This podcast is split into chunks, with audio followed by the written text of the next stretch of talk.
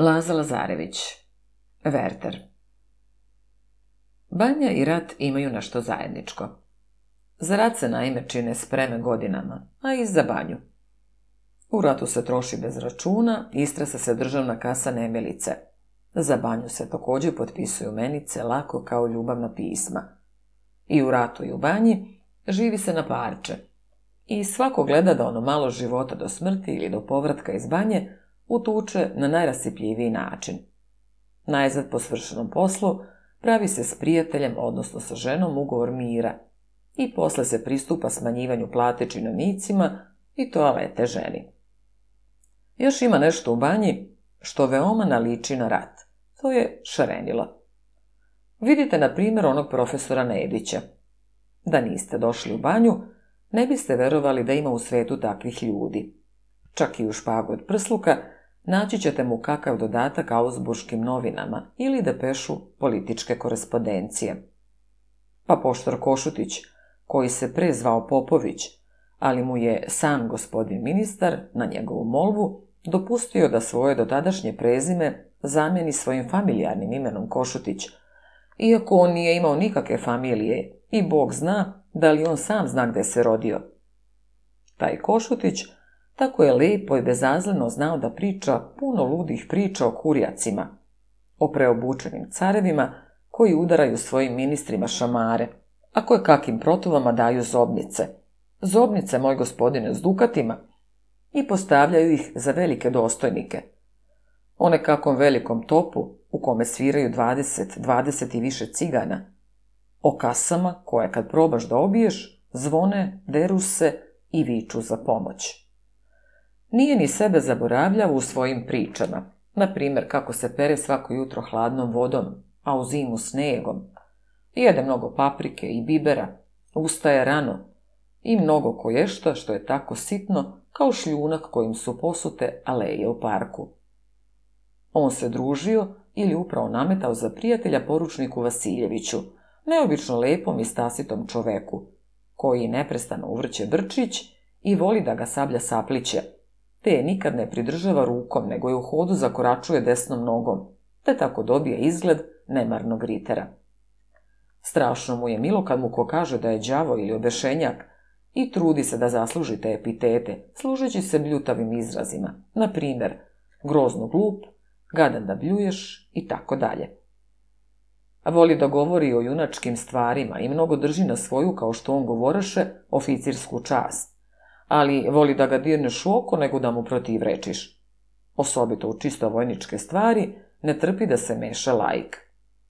Tako, na primjer, profesor Nedić stade jedno mlatati rukama i s takim oduševljenjem govoriti o pruskim oficirima, da je sasvim uprskao mladu udovicu koja se s poručnikom držaše ispod ruke. Poručnik istori grudi. Gospodine, dajte mi pruski bataljon, pa ćete vidjeti šta ću učiniti. E, gospodine, ističe se brzopleti profesor, a što vi ne načinite pruski bataljon? Nije bataljon pravio oficire, već oficiri. Gospodine, upade mu dostojanstvenu reč poručnik. Ja smatram za bezobrazlog da se čovek meša u govor koji ne razume. Znam, ali ja se nisam mešao, vi ste se... Al poručnik već ode dalje stazom sudovicom. Okrenuo oči od nje, začkiljio s pouzdanošću, i pravednom sprnjom psuje. Stoka, stoka bez repa. A udovica se tako pripija uz njega i već bih htela tvrditi da ta stoka i rep nosi, kada je to tako očigledno, nasreće na ljude stručnjake. Ona je opet onda u slanom šeširu s belim platnenim engleskim cipelama, to je apotekar Katanić. Strašan obešenjak i veliki intrigant. Oni poručnik imaju nešto zajedničko punu svest o svome ja. S tom samo razlikom, što apotekar ne veruje ni samoj svojoj pameti mnogo, a bistar je zbilja kao suza, a poručnik opet drži da je sav svet glup kao čizma, a svoju je karijeru počeo od Češagije. Za obojicu se pak cela banja interesovala. Poručnik je bio lep i bezobrazan, apotekar pikantan i lukav. Znao je svačije tajne, I nekih puta, kad značajno žmirne, čisto mu na čelu piše. Znam čija je ona lepeza. Ili, video sam kad si je očepio. On igra šaha, ali samo jednim okom gleda u figure, a drugim na udovicu, što se večas pozavraća od smeha i pokriva usta lepezom, jer je poručnik obasipaše neslanim dosetkama. Kao god što vele da baša ne može biti bez kiše i cigana, Tako ni banja se ne da zamisliti bez krtaša. Njih se ne tiče ni samo kupatilo, a kamoli partije, parkovi, muzika, dame. Oni se samo navrat na nos okupaju, pa se posle svi zajedno znoje obično u zasadnoj sobi, a kao što se to veli, uz 32. Njihove žene idu same po parku, huču i jadaju se svakome koga samo uhvate – Kraj njih je bilo puno beznačajnih ličnosti koje, ako zapitaš ko su, odgovoriti se. I on se ovde kupa. Čini mi se da je iz Čačka. Mislim da je neki činovnik iz kontrole. I tako dalje. Jedan pa gost ove banje, junak je ove pripovetke. Činovnik, čovek od 30 godina, imenom Janko. Obla bleda lica, koje izgledaše sasvim beznačajno samo što u očima kao da se čitaše neka naivnost i čežnja. To se viđa na ljudima sasvim mladim, koji još nisu pokvareni svetskim lukavstvom, koji još kripe zubima kad slušaju za suze rajine i lupaju pesnicom o sto kad se peva štogod gde sevaju jatagani. Jednom reči, to beše čovek sa širokim grudima i tesnim cipelama. Tim čudnovatije u njegove oči od 20 pored brkova od 30 godina. Tome će zar biti uzrok njegovo vaspitanje i život od kolevke. Odrastao u bogatoj familiji, odgajan nežno kao devojka i u celom životu tako služen srećom da nikad nije čitao Hamleta ni večeravao luka i hleba. Dok je bio kod kuće, imao je dobre učitelje koji su mu i u gramatičkim analizama davali poučljive primere. Na primjer, dobar đak dobija pohvalu, a kad je pošao na put, dobio je pismo od oca u kom su u 17 tačaka bila razložena sva pravila pametnog i dobrog vladanja. Preko na naukama bio je do pre pet godina, baveći se upravo ničim, ili kao što se to onda zvalo, kameralim naukama. Strasno je čitao Viktora Iga i oduševljeno govorio o njemu, a u sebi je čeznuo za romanskim junaštvom. Beše već zagazio u doba mužanstva – nasrknuši iz čaše ljubavi, osim što od jedne sitnice iz njegova detinjstva počesto natezaše da načini po svima propisima Lemkeovim i djevsku ljubav. Pa ipak on u srcu osjećaše tu ljubavnu prazninu i kako mladi ljudi što go čitaju aplikuju nase, to se i on jednom bavljaše mišlju da obuče gvozdene cipele pa da ide po svetu tražiti svoj ideal, kao što je to u nekakoj knjizi za nekoga čitao, Baveći se tako samim sobom, možda više no što bi trebalo, on se, kao što on to zvaše, izrađivao. To jest sve radio, ili hteo raditi, po nekom principu. Srećom iz francuskih romana zaboravio je brakolomstvo, a zapamtio čast i slavu. A imali u ovome koga tako silno kao što je Francuz? Otuda je on poštovao svoju reč već do detinjarluka – Otuda skidao kapu zastavi, gde god ju je video. Otuda ga je za vreme Bokeljskog ustanka jedva u Novom Sadu stigla potera koji je otac za njim poslao, a bez koje bi on izvesno otišao u Boku. Najzad sa toga izrađivanje sebe samoga dolazi i na neobična prevrtljivost raspoloženja. Čas veseo od raskalašnosti, čas tužan i sumoran, kao da sav svet gori, a sve skakve sitnice. Na primer, što je načelnikovica poslala pandura da istera proseka iz avlije, ili takvo što. Gotovo se ni s kim i ne druži. Sreta se istina s gostima jutrom i večerom kod izvora, skida im kapu, kaže ili pita koliko je sahata i pripaljuje cigaru. Al više ništa. Obično beži pod onu lipu u brdu do koje nema ni staze i gde ga niko ne može smetati. Ali i tu ga nađe jednog večera profesor Nedić i stade mu vatrano pričati o situaciji velikih sila i o himeri evropskog ekvilibra. Janko da iskoči iz kože, ali i načelna učtivost ne da mu da brutalno odbije profesora. On se stade uvijati. Da, da, gospodine, pravo kažete. Nek radi Engle što hoće. Rus je tu, a Turčina nećemo mnogo ni pitati. Vreme je večeri. Istim rečima, koje se nimalo ne odnosiše na govor gospodina Nedića, uputi se u gostionicu da se hranilo više od polovine gostiju. Pred gostionicom već seđahu i stajahu gladni gosti. Niko nije ništa radio, samo se advokat Nestor igrao novim kartama i vadio je na zahtevanje čas četiri keca, čas četiri žandarma. Nebo se crvenelo na zapadu, a sunce se činilo nekako sumorno, veliko i ravnodušno kao obrazi u onoga bandiste što će posle večere svirati u klarinet. Na širokom drumu leži za šaku debela prašina i po njoj čisto sanjive brazde od kolovoza. Uz maleno brdašce penjahu se jedna kola sarnjevima i na njima zveketeše mačka i papuča koja skatrenici visaše o srčanici. Umorni gosti radoznalo pogledaše na nove putnike i čisto celo društvo ožive.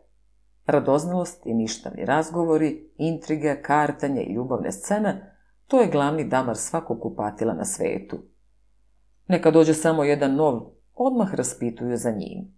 Ako je ma od kakvog položaja u društvu, već će se najdalje za 24 sahata znati ko je, šta je, odakle je, je li ženjen, koliko mu je godina i plate, karta li se i tako dalje.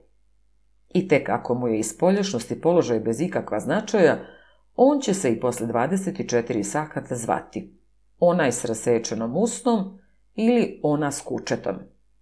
Nije dakle čudo što sva publika, mada beše obznanjeno da večera čeka, osta napolju da vidi novog putnika. Četvoronoške ispod arnjeva izvuče se jedan čovek. Visok, suvonjav, malo svedenih obrba, gotovo namrgođen. On može biti 35 godina.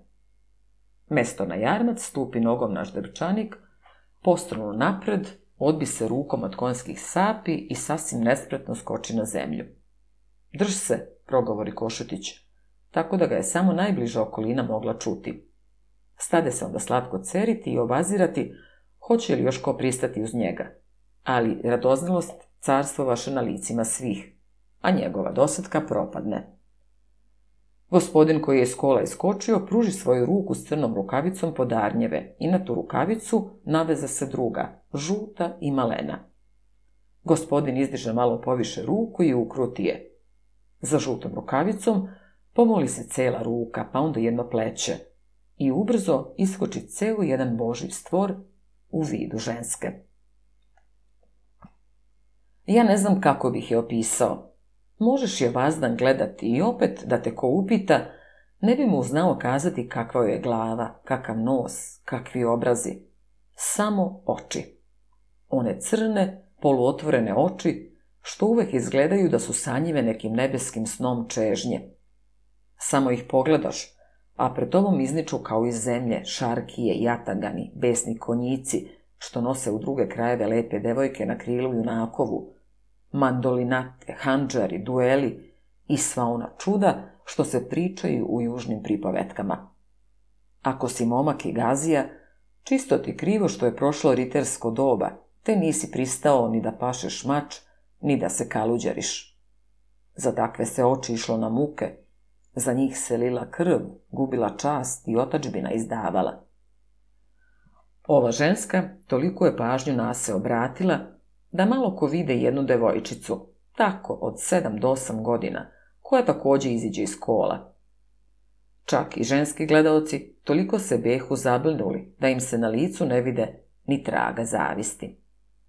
Poručnik Vasiljević ne može otrpeti da čak i u prisustvu Udovičinu ne obnaroduje svoje divljenje koje se zavilo rečima. Pa one oči, čista arapska krv, Udovica je začkila očima. Katanjic se lukao nasmeši, a Košutić već poče pričati o nekoj ženskoj, zbog koje su se tri momka ubila. I to jedan iz levorvera, jedan nožem, a jedan se udavio. Janko pak, kad ugleda tu žensku, preblede i pretrnu. Srce mu zalupa i u grlu ga stade golicati, pa onda daviti. On se brzo povuče za jedan stub od gostionice, odakle nabrzo umače. Uđe u svoju sobu, zaključa vrata, sede na krevet, zažmuri i još i ruku metne preko očiju. I onda... Ugleda je malenu, to lišnu. Nije joj bilo ni pet, šest godina. Oko glave zamotala beo šalčić, te joj lice iz njega viri kao iz kakvog okvira. To beše ona zbog koje on tako često kao student u Velikoj Varuši U sumrak oturao ruku na oči i predavao se mislima punim čežnje, koje tako isto nema osnova, ni kraja, ni konca. Kao ni onoj melaholičnoj ariji, koja mu izvergla dopire da u odlomcima kroz otvoren prozor, iskidan lupom kola i metežom velike varoši.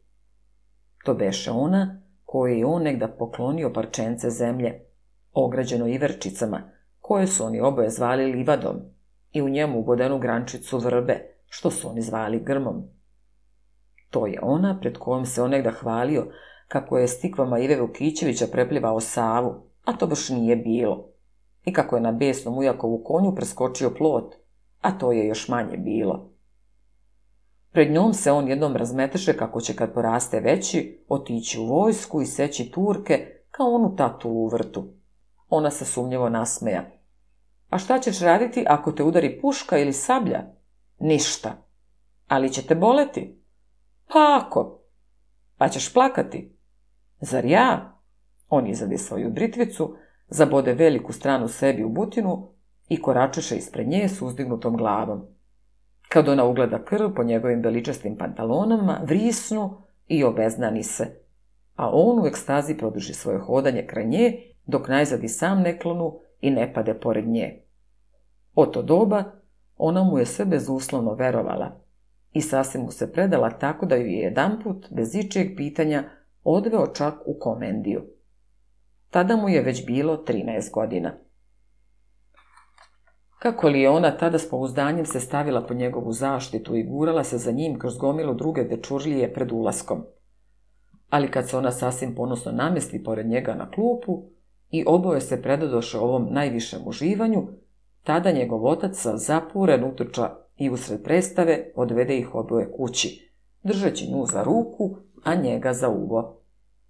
Čitavu nedelju dana posle toga, ona ga je pipala za uvo, pitajući, boli li te? Igle čuda, sad mu se učini da ga ono još tišti. Posle se seti onog beznačajnog cmakanja i čisto se iza reči kojima joj je uveravao da je voli i da će je uzeti, i njenih kojima se obećavaše da će poći za njega i svoga dnevnika u kome je stajalo toga i toga dana poslala me Nana da kupim hleba. Posle, otarali kočijaše Nikolu, zdravo sam plakao. A na takvom jednom listu stajalo je. Ja se dogovorio s Marijom da se uzmemo. Posle mu dođe na um rastanak i oproštaj koji je za njega bio lak, jer je išao u svet, u veliku varoš, da će se moći slobodno kupati i pušiti, a posle koga je plakao. A i sad bi se zaplakao kad se seti kako je ona grcala i jecala, kako se krila za drva i kako mu je dala na put parče pa španja, ali da ga ne pojede, nego da ga čuva. Eno ga još u njegovoj botaničkoj kutiji s ostalim detinskim znamenitostima, jednim zrnom čilibara, jednim tabanom od puške, prvom njegovom britvom i tako dalje. Sad preskoči nekoliko godina svoga života i ponovo je ugleda već kao devojku od 17 godina. Kad pogledi dobijaju značaj, ruka se počnu stiskati, a poljupci su pravi vezikatori za ugrejano srce. Tada je kao na predstavi mađioničara blesnulo i opet iščezlo njezino lice, jer se on odmah sutradan mora da je vratiti s ocem u Beograd, odakle je samo na jedan dan došao radi svadbe svome bratu od detke. I samo na toj svadbi U onome svetu kraj muzika koja trešti i kola koja se savija kao put uz brdo, samo je tu mogao vidjeti, pozdraviti se i progovoriti ozbiljne četiri reči. Svećete li me se? Na što ona ništa nije odgovorila, samo je pocrvenela i svoje velike trepavice spustila na jagodice, a oči na ružu koju je na prsi bila pridenula. Posle su se te oči sasvim oprostale s ružom na prsima i tražile njega. I samo njega u celoj onoj tišini. Posle toga je on otišao i ništa se više nije desilo. Ali šta će mu više? To je dosta da sami sebe kao ono pauk isprede čitav jedan sladak, iako paučinast horizonat. Dosta da ga je u časovima slatkih nada prati slutnja da će s njom kad tad nastaviti svoju detinsku ljubav u mužanskom obliku. I eto, sad se sav stresa kad pomisli da se ona malo preskinula s kola, da je svi ubezeknuto glede, da joj oči sjaje onim detinskim ognjem, koji kao plameni mač tone u grudi i tupi se u mesto srca. Njega čisto plašaše, a svakako neizmero uznemiravaše pomisao da je ona tu, možda u prvoj sobi do njega, da može s njom govoriti, da ima prava rukovati se, da će se sutra svakako sastati s njome u šetalištu i da će se poznati s njenim mužem, jer onaj čovjek tek ne može biti niko drugi do njen muž. I od toga se tako uplaši i zbuni da najpre poče gledati po svojim stvarima i misliti da beži zorom, a posle poče smišljati kako će se pred njom ponašati. Čak upali sveću, stade pred maleno ogledalo na stolu i pokušavaše da se ravnodušno i učitivo smeši. Već se davno ugasio život u gostionici i po hodnicima i po sobama, a on čas Popaljaše i gašaše sveću, mučeći se da razvedri ili razagna misli. Ali zaspati mu se nikako ne dade. Već nastaje ona isplakanost u mislima i već mu počinje bivati ravno sve do mora, ali san nikako da ga obori. Stade skakati mislima s jednog kraja na drugi. Mišljaše na materu u zelenoj šami kako mesi pitu. Na jovu šarkijaša kako je zažmurio dignu u glavu, razvalio vilice i peva pesmu u kojoj ima reči A moj dragi, pa onda nekoliko reči kojih se ne mogaše setiti pa kleti. Dugo ga mučiše te reči. Onda na silu odvede misli na Stevana Aničina, kako se davi u savi i prevrće očima, na slomljenu vetrenjaču pod kapijom, iza koje Ivan Pandor vrlo vešto istresa onu zaključanu kutiju u kojoj se spuštaju krajcare za sirotinju. Posle mu pade na pamet kako je jedan put išao preko krečane i tamo što je prešao dasku, a ona se opuči i pade. I strašno ga stade mučiti misao. Šta bi bilo da se daska ranije opučila i kako bi se sav ispekao, pa može biti i umro. Sve zalud. I kad se sam prikrade, Marija tako furiozno zdere onaj veo pod kojim se sklapaju oči, ispružaju noge i zeva, da Janko sasvim ljutito nehtede baš ništa više misliti.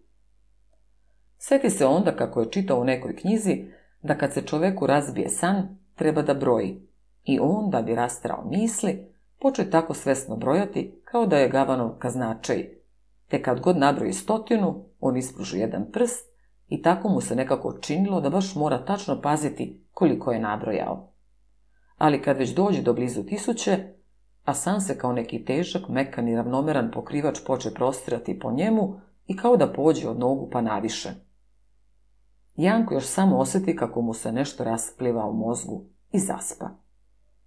Kad se probudi, već je bilo davno svanulo. Ispred prozora ču se smeh i koraci. Janka nešto štrecnu. On se seti sinoćnice i kao da zadrhta, ali tada mu se jedan put prevrte nešto u mislima. Stade se čitavo čuditi šta mu je. Gle sad, kako on sebi, ako nekome drugome govoraše. Šta je kobajagi? Jesam li ja kome što god kriv? Šta je s tom ženom? Bog sa mnom bio. Koga se ja bojim? I onda se stade brzo oblačiti, hoteći se samome sebi načiniti ravnodušan.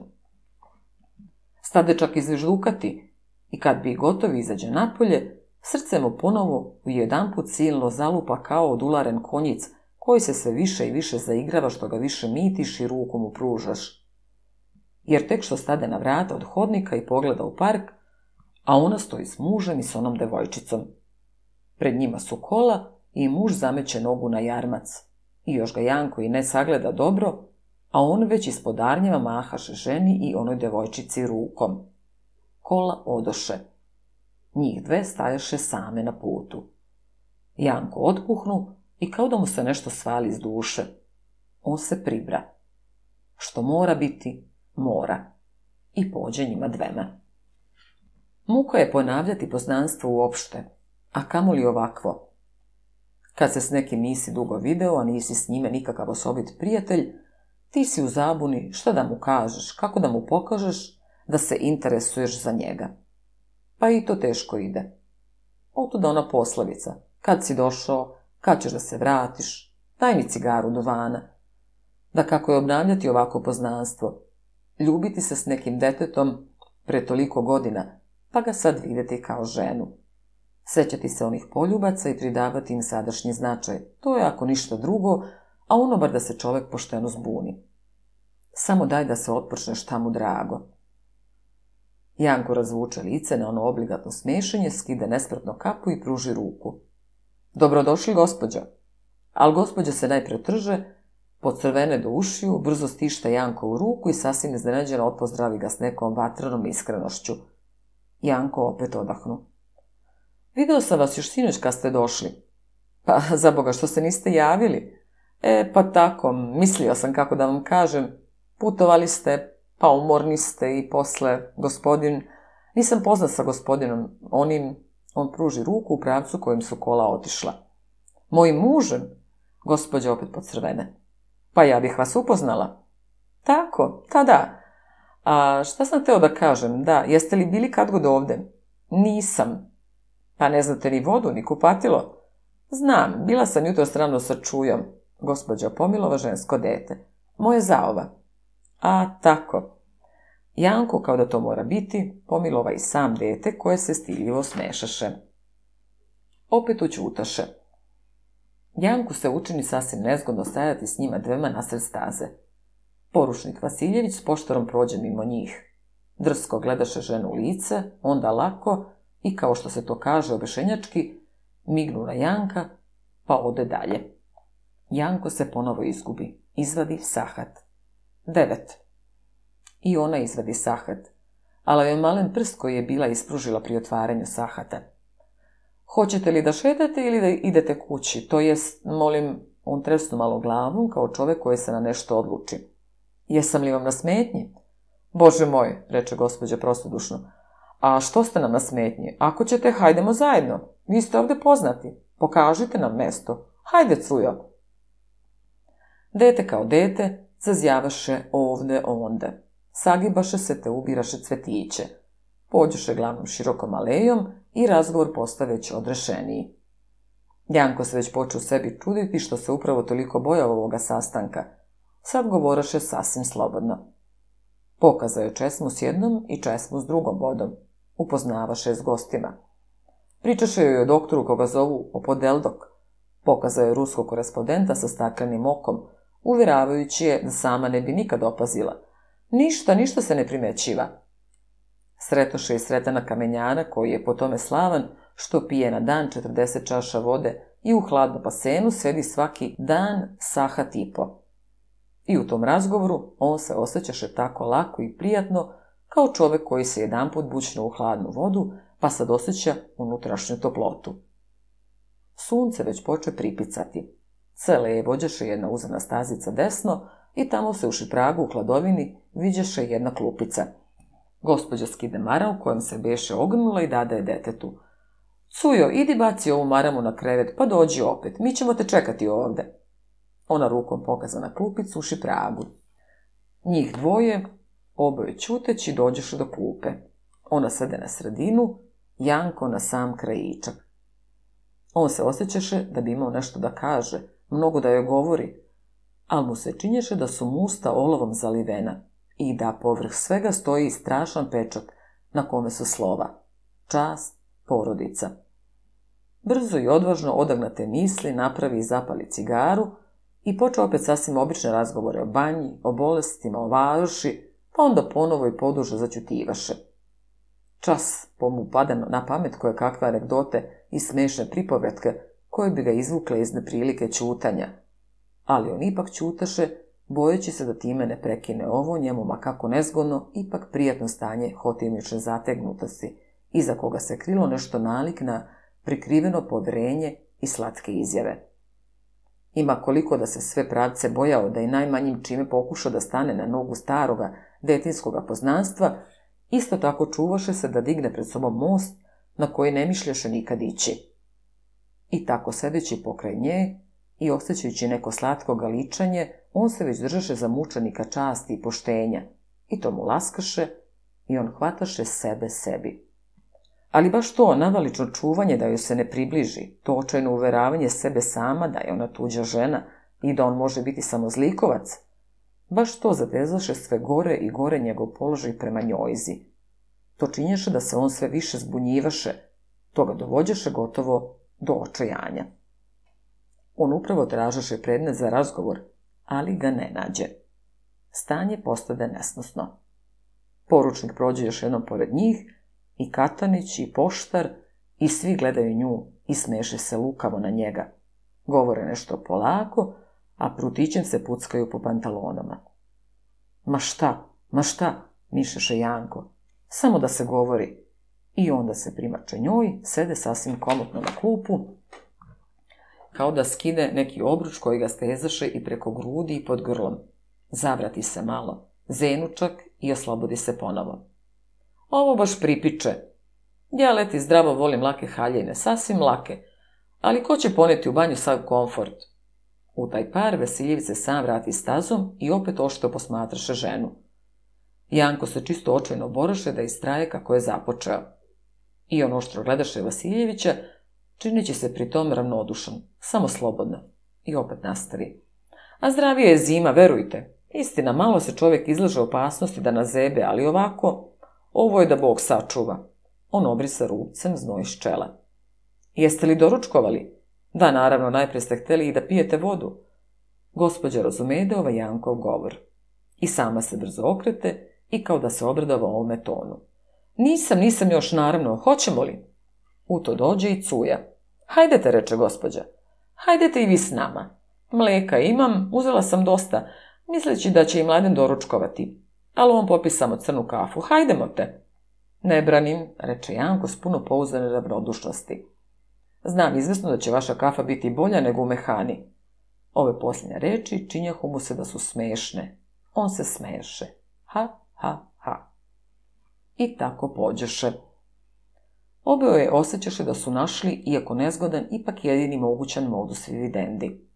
Janko se toliko pouzdano ponašaše da se čisto i u licu promenio. Hodaše pored nje ravnodušno, šireći noge i gegajući se, što inače nije bio njegov običaj. A unutra se osjećaše tako pouzdan i tako zadovoljan kao gladan čovek koji se mesto ostrega, raka i palačinaka dokopao jagnjeće plečke. Samo tako, mišlješe on, pa se ni moj ni njezin mir neće poremetiti. Siromah. On ne zna da je čovečje srce indijanac, delaš, obaveštavaš, govoriš mu iz dana u dan i već ga vidiš da diže ruke k nebu, posti, krsti se, metaniše i pominje ime Hristovo. Ali razdrlji košulju, pa ćeš mu na grudima o vrpci naći idola od porculana. Zgrčio se, turio kolena pod bradu, kao da se zadovoljno i lukavo smeši jednom samradniku. Janko je s njima zajedno doručkovao. Posle ih ostavio da odmore i opet pred učak po njih došao. Pogodio hranu mehani, odredio jedan sto u uglu na kome da se postavi za i persone i doveo ih na ručak. Kad su oni ušli, sva se mehana učuta. Gospodja se pokloni gostima za najbližim dvama stolovima pa sede, okrenuši se leđima prozoru, a licem unutrašnjosti mehane – Svi mirno i nemičući se gledaše. Samo Vasiljević s neobičnom drskošću, namigujući na apotekara, diže svoj tanjer i premesti ga na drugi kraj stola, tužeći se da ga onda peče sunce. Tako beše licem okrenut gospođi. Janko opazi ovo i odjedanput srdačno i silno stade mrzeti poručnika. Tek kad se zapuši supa i zazvečaše lažice, društvo otpočeno je potmuli nejasni govor i muškarci počeše brisati salvetom brkove, te tom prilikom bacati oči na onaj sto. Naravno da je Janku s početka bilo nelagodno. Nije umeo da se namesti na stolici. Supu sve čini mu se da i suviše srče, vino kad pije, čini mu se da zdravo klokoće. Al kad se želudac napuni, kafa zapuši, zamirisa duvan, celo društvo kao raskopča jake i otpuknu. Razgovor postaje najpreživlji, Paše i po koja dosetka i ponekad pesnica lupio sto, posle se mnogima zaokrugliše oči i društvo se sve više razlabljavaše. Pažnja i interes popusti, već slabo ko da seva očima na sto gde je Janko. Samo što Vasiljević još pogleda onamo, priča o svojem konju kako jednom nije hteo da naiđe na bure, a on ostrugama svega iskrvavio i savljom isekao po vratu i sapima. Momci podigoše na nekoliko stolova čaršafe, pa na njih metnuše karte, krede, piksle i tablice. Kartaši posadaše, ostali poustajaše. I Janko s gospođom i cujom ustade i ode. Hajmo te kod nas da pijete kafu. Kako da ne pođe? Ali tada se Bešević oslobodio da mal ne skide i kaput kad je ušao u sobu, namještenu kao sve sobe u našim banjama. Dvama krevetima, jednim stolom uz prozor i jednim čivilukom a proza sa strvenom debelom strukom te se sunca zalud muči da ubaci jedan zračić. I gospođa i dete behu već sasvim obikli na društvo s Jankom. Pristaviše mašinu za kafu, ćereteše, popiše, pa Janko odu u svoju sobu, a one ostadeše u svojoj. Tako prolaziše dani. Mirno, tiho, odmereno, galičljivo, prijatno, pa ipak, kao što Janko mišlješe, ozbiljno. On postaveći prema sebi toliki glumac da svoj odlazak k njima i neprestano obavljanje uz Mariju objašnjavašće običnim druženjem i simpatijom i tada ga ništa ne bi moglo o tome razuveriti.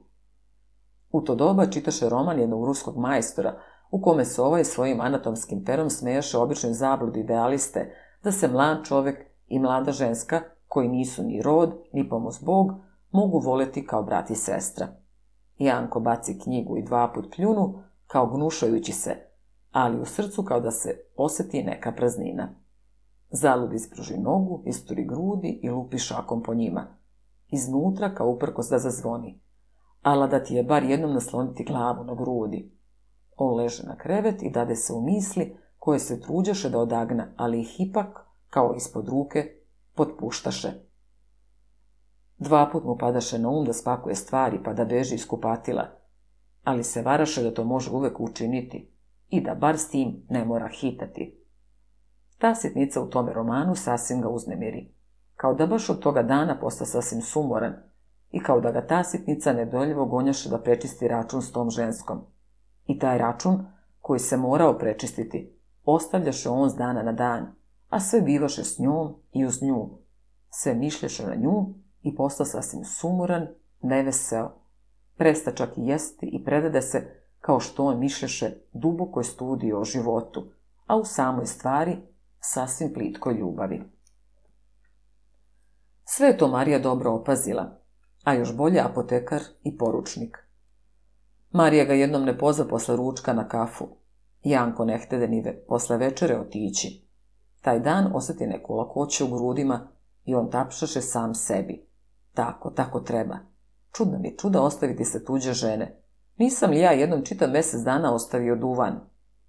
Ali već sutradan, on ode ne samo posle ručka, nego i na doručak i posle ručka i posle večere i što je najgore, seđeše ceo dan s njome i uz nju, a ni reči ne progovori. A i od ovoga je čak bilo nešto gore, a to je što i ona ne progovori ni reči i što je takođe neobično malo jela. Toga dana uveče Janko se sasvim dockan i sasvim zamišljen vrati kući. Uđe u svoju sobu, upali sveću, obuče se i iziđe napolje. Ču kako iz kafane dopiru nejasne promukle zdravice i kako zveče čaše i uputi se tamo. Vrata od kafane koja gleda u mali park behu širom otvorena. Janko uđe na vrata i ne opazi da pod orahom napolju mraku stoje dve ljudske slike u suknjama. U kafani za stolom u ugu seđaše brigadir Veljko, advokat Nestor i upravnik Upatila. I igrahu karata. U drugom uglu bubnjaše i sviraše cigani. Na sredini za velikim stolom beše jedno desetak mladih ljudi, kao što se to veli s ruci, a u samoj stvari svinom u glavi.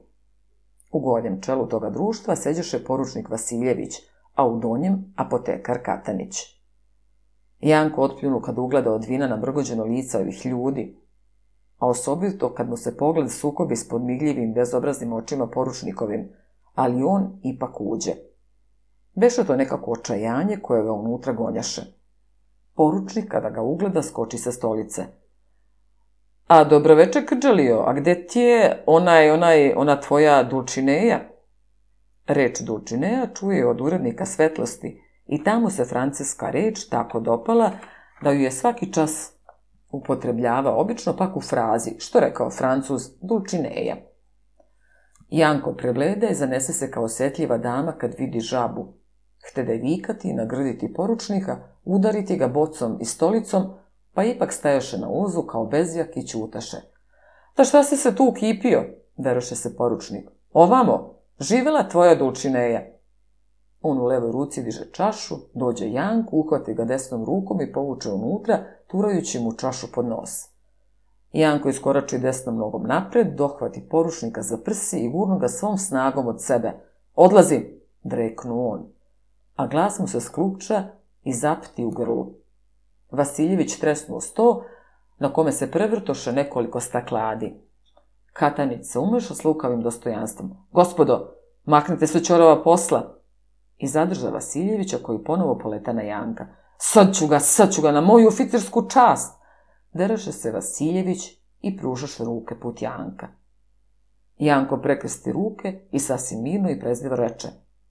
Gospodine, ja neću s vama da se ovuda rvem, ali ako mi u najkroćem roku ne date satisfakcije kao što to rade ljudi od časti, ja ću vas morati u parku bičim istući. Onda podiže glas. Razumete li? Oho, Ovamo, ovamo bre! Poručnik isuka sablju. Janko brzo skide ščivilu ka brigadirevu sablju. Zasuka malo desni rukav i diže sablju više glave. Brigadir Veljko poklopi svoje karte na sto i metnu ruku na njih. Meni još pet, reče polako svome društvu, onda se samo lice okrete dualantima i viknu. Gospodine poručniče! Izvolite, gospodin majore, odgovori Vasiljević i spusti ruku na sablju. Ovamo sablju, Vasijević uhvati svoju sablju za oštricu, a Balčak pruži brigadiru. U haps, reče brigadir i pokaza rukom na jednu pobošu sobu. Razumem, reče Vasiljević i s jednim vrlo nekoordinovanim levokrugom uđe na vrata koja su mu pokazana. Brigadir Balčukov upio sto, ne držeći ruku s karata. Momak dođe. Neka se zaključa ova soba, a ključ neka se meni donese.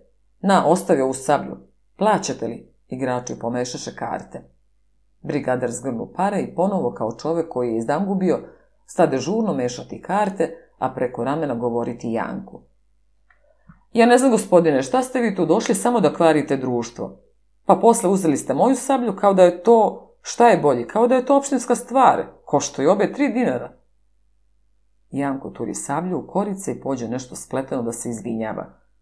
Katanić ga poverljivo povuče na stranu. Ostavite se, nije potrebno. Idite bolje kući. Vi ste, vidi se, vrlo pošten i osjetljiv čovek. Janko bi ga čisto zagrlio. U ovoj neprilici gle kako mu se prijateljski javlja čovek gotovo nepoznat. On već tedi da suzama brani svoju nevinost. Mahnite se, mahnite se, reče Katanić. Uze ispod ruke i oba izađeše napolje. I tom prilikom Janko ne vide ono dvoje što stojahu u zasenku, ali u oku Ni to ne izmače. On podiže glas kad već behu u parku. Meni vas je žao što se ova neprilika desila. Vi slabo poznajete svet, ne primite za zlo i zamišljate u svakom svoje srce i svoje obrazovanje. A to je gledište vrlo pogrešno, nepraktično. Nemojte se srditi, to je... Janko mu stište ruku. Hvala vam, gospodine. Vi ste pripomogli da ga ne udarim. Želim da vam stogubo i u boljoj prilici vratim. Opet mu stište ruku. Smetenjače, kakvu uslugu? Mišeše Katanić i obradova se kad ga odvede do vrata i kad se jednom oslobodi njegova stiskanja ruke. Vraćajući se natrag u mehanu, on stade nemarno pevušiti za zaobiđe čak oko oraha, ali pod njim više nikog ne beše. Bez sumnje, ona je s detetom, mišeše Katanić. No, sad će se valjda uveriti da je, onda htede reći, smetenjak, ali onda stade redom misliti kako je stvar tekla izbrisa reč smetenjak iz toga razgovora sa samim sobom. U mehani zastade celo društvo koje se već više i ne sećaše na aferu i beše dobre volje. I oca Mić zavratio glavu, peva pesmu Lepa naša domovino na glas, onamo, onamo, i tuži se što niko ne ume da mu sekunduje. Steva praktikant zamače prste u vino te njima piše po stolu svoje ime – Profesor Nedić prevodi nekakvu besedu nekog člana engleskog parlamenta. Advokat Nestor tuži se kako mu se odbila karta. Katanić ne za potrebu da se oprašta, već se Ćutić s vrata okrete i ode u svoju sobu. Sutradan ovako su stajale stvari. Na brigadiru Veljku nije se opažalo nikakve promene, osim što je malo oštrije nego obično psovao momka što mu nije doneo debelu govedinu. Ovo pak nije se moralo ni ukoliko dovoditi u vezu sa sinoćnom aferom, jer je brigadir imao tri uzroka biti neraspoložen. Prvo što je meso bila odista mršavo, drugo što je on bio kao i obično vrlo gladan, a treće što ga je advokat Nestor sinoć jako uštinuo. Na poručniku Vasiljeviću opažilo se opet to što je danas u šetalištu sasvim opustio sablju, te šara po pesku, a obično ju je pridenuo na lančić, te mu zapliće noge i što je bičem lupao po lišću na kestenavima. U govoru je bio sasvim odrešen, slobodan kao i uvek, i činio se toliko ravnodušan kao da sinoć nije prevrnuo ni šolju s kafom. Tek u kupatilu, kad se nekako našao u krugu sinoćnog društva, govorio je najprije o duelima uopšte. Posle je prešao na svoj sudar s Jankom i tu je sasvim veliko dušan bio. Badava, dirnuo sam ga malo da ga boli. Pi, Tako se to neki put otme čoveku pri čaši vina. Siroma, da, da, pomislite on, pa mene zove. Dakle, ja sam pozvan, biram oružje i prvi pucam. Vežem ga za dud. Imam prava, pozvan sam. Da napunim top, naravno, ja biram oružje. I on lupi lanom po vodi i zviznu. Katanice na to tako gromoglasno zasmeja da se svi okretoše. Ali on se tresijaše i sve glasnije smejaše. Šmurun se i pod vodu, ali i više njegove glave izbiješe veliki klobukovi. Kad se ispravi, obri sa dlanovima oči i slatko se smejući reče poručniku. No, taj da zacelo ne bi lasno prošao. Tome biste vi pokazali s kim hoće da se dueliše. Pa onda ponovo prsnu smeh i sprekidano nastavi. Naravno, vi ste pozvani, izaberete top, ha, ha, pa njega za dud, ha, ha, siromah, ni parčeta njega ne bi ostalo, ha, ha, ha. Poručnika ne samo da ne uvredi ovaj smeh, nego se i sam stade smejati. Najzad se opet namršti. E, ali sad je sve prošlo.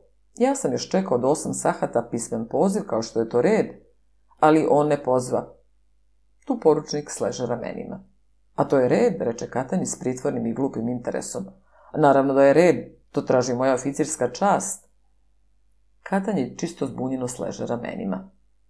Košutić je dokopao priliku da priča o nekim amerikanskim duelima, gde se čini mi se protivnik koji rastopljenim olovom guta pilule od dinamita i na sve se to još ravnodušno smeši i najpre čačka zube. Janko pak bio je u tako žalostnom stanju da nije znao kuda da se okrene. Strašno osjećanje stida i poniženja koje se ne da izglediti nikakvim taktom ni heroizmom. Pitao je sam sebe, Koji ga je đavo nosio da ulazi kad je video pijane ljude?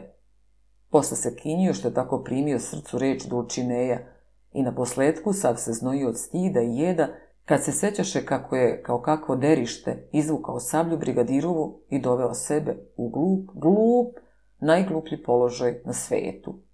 Što je najgore i najcrnje, to je što sad ne zna šta da radi. Da ga zove ponovo na duel, koja šta, da se bije s njime kao kakva propalica u parku, te da načini još veći skandal. Pi! On se pljesnu rukom po čelu. Svako čudo za tri dana. Ali daj da preživi ta tri dana. A Marija toga jutra beše tužno milostiva. Velike oči behu još jače prekrivene trepavicama. Kad se nađe u parku s Jankom, ne reče mu ni dobro jutro, ali ga tako značajno stište za ruku i tako milostivo pogleda, da je on iz toga više pročitao nego što ima u celom Majerovom leksikonu. Očigledno beše u to malo slatko sporozumevanje koga se on toliko kao bajagi bojao. On ćuteći hodaše pored nje, a grudi mu brekteše pod nekim osjećanjem koje se u neku ruku prelivaše u beskrajan tih sladak bol. Sve zna, mišljaše on u sebi. I u jedan mah, ne htevši ne misleći ništa, a okrenuši glavu od nje, progovori – Vi sve znate. Sve, reče ona takođe ne obraćući glavu. I oboje gledaš u travku, pače šljunka ili crvotočinu, ali kroz te stvačice, kao kroz okular mikroskopa, širi se veliki, nepoznat primamljiv svet, preliven čudesnim i božanstvenim začinom. Ceo dan ne progovoriš reči. M za ručkom, m za večerom, Ti kao da bežeše jedno od drugoga, a e, ipak se svaki čas kao nehotično sukobljavaju. Posle večere odoše odmah svaku u svoju sobu i oboje osetiše potrebu da dugo, dugo još, pošto je sav svet spavao i hrkao, gledaju od oblaka progrušeno nebo i da se razgovaraju po zvezdama. U to gluho doba Janko s nekim tajnim osjećanjem od koga je drhtao, otvori širom vrata od svoje sobe Ležene svuče na krevet i pokri lice rukom. Sve je tiho kao u groblju. U jedaren on čuda nešto šušti, a grešna misao odvede ga na Mariju. Ali je li to san u koji se bojaše pogledati otvorenim okom? Šuštanje pređe u njegovu sobu, kad on diže bojažljivu ruku s očiju, ugleda nju više sebe u beloj haljini, naglase nad njim i sluša mu dah. Valjda ne zna da li on spava, tada jedva čujno prošla puta. Što si tužen? On htede skočiti s kreveta, raskinuti jaku što ga tako strašno davljaše, stisnuti je u naručje, pa tako valjda umreti, ali ga snaga ne posluša. Ne mrnu ni prstom, ni okom ne trenu i na jedvite jade takođe prošla puta. Volim te. Ali tada mu već pomeče svest i on više i ne vide kako ona ostavi njegovu sobu. Baš tada prođe pored njegove sobe poručnik, stupajući krepko i otresito, tako da mu ostrugo u ovoj tišini zvoniše čisto kao praporci. On pevukaše neku pesmicu od ne baš sasvim solidnog značaja. I on ostavi vrata od svoje sobe otvorena i polako se skidaše zviždajući. Kad bi gotov, napisao ovako pisamce. Gospodine, vaša se žena vrlo lepo ponaša ovde. Neki gospodin Janko ne izbiva od nje ni danju ni noću. Jedan vaš prijatelj. Onda pročita pismo još jednom. Podvuče reči ni noću i zatvori ga u koverat i zapečati ga polovinom dinara. Adresovana muža Marina i zadenu ga za kapu da ga ne zaboravi predati. Onda zevnu, prevrte se na krevet i zahrka mirno, spokojno i slatko. Kao čovek koji je učinio dobro delo i hrišćansku dužnost a Janku čudno beše te noći. Tako se osjećao jednom još kao dete, kad celu noć ne sklopi oka, nestrpljivo čekajući kad će svanuti dan vrbice, do obuče nove haljine. Samo što u ovom prijatnom osjećanju beše nečega kao što rekao Bonoga, i on se s neobičnom voljom zadržavaše baš na tome. Svaki čas mu se činješe da čuje opet ono tiho šuštanje, čisto obamre, i po prsima kao da mu puše neki mirišljivi vetrić, koji ga tako zanosi, kao ono kad čovek na ljuljašti zažmuri. Ponekad raširi ruke, hteo bi nešto zagrliti u naručje, pa tek kad vidi da je sve prazno i tiho oko njega, onda ga još jače obuzme osjećanje čudljive sreće, koja mu se, kako mišlješe, sve više i ne izmače. Njen balzamičan dah, još kao da mu motava ugrejano čelo ispod koga je tako bojažljivo iskliznulo ono, volim te. Sad, Sada je opet da dođe. Kako bi on znao kazati zašto je tužan? Zato, ali on i u mislima ne dovrši rečenicu.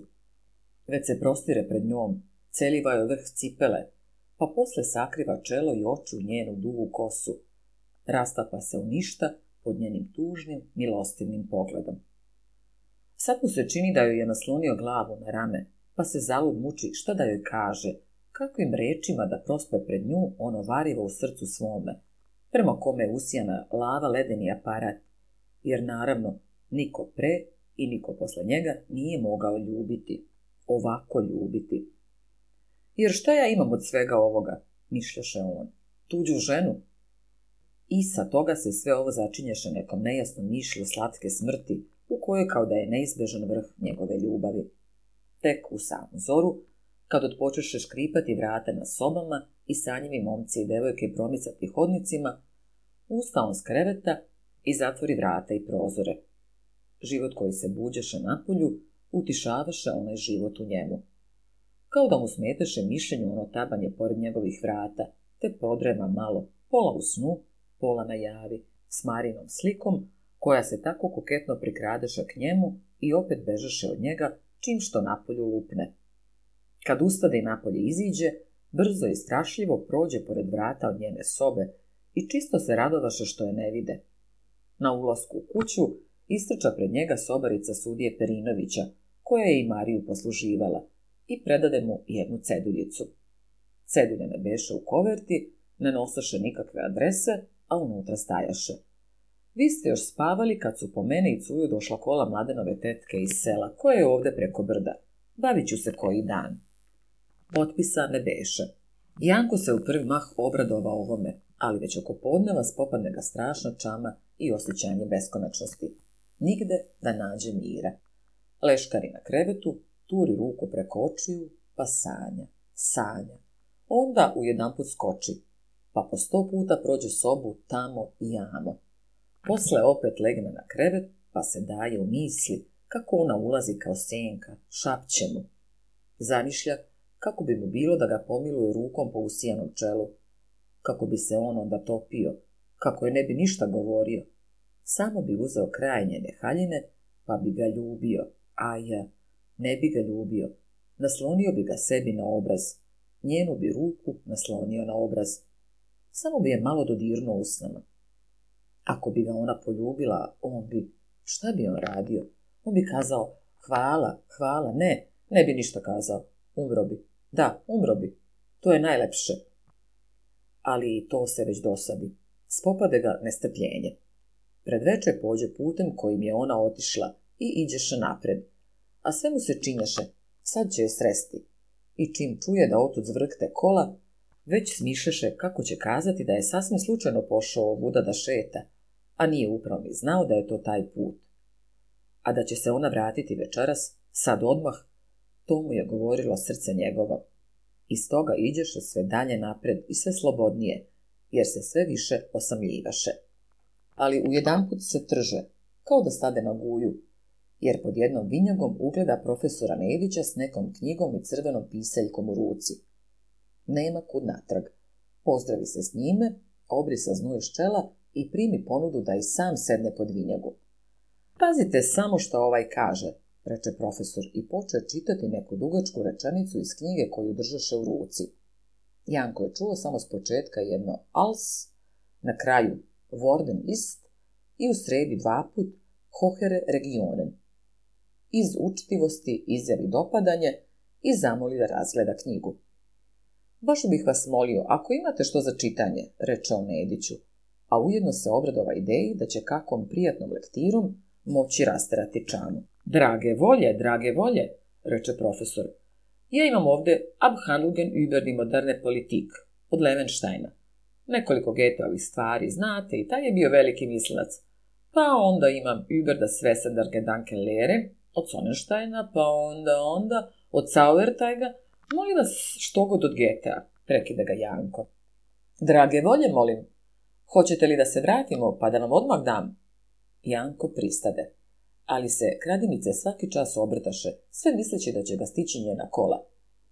On u svojim mislima i neču kako mu Nević celim putem deklamovašte stihove iz Fausta i pretresaše poredom ono nekoliko krnjataka što je pročitao iz Gete. Ovde imam i Vertera, patnje mladog Vertera, ako hoćete to.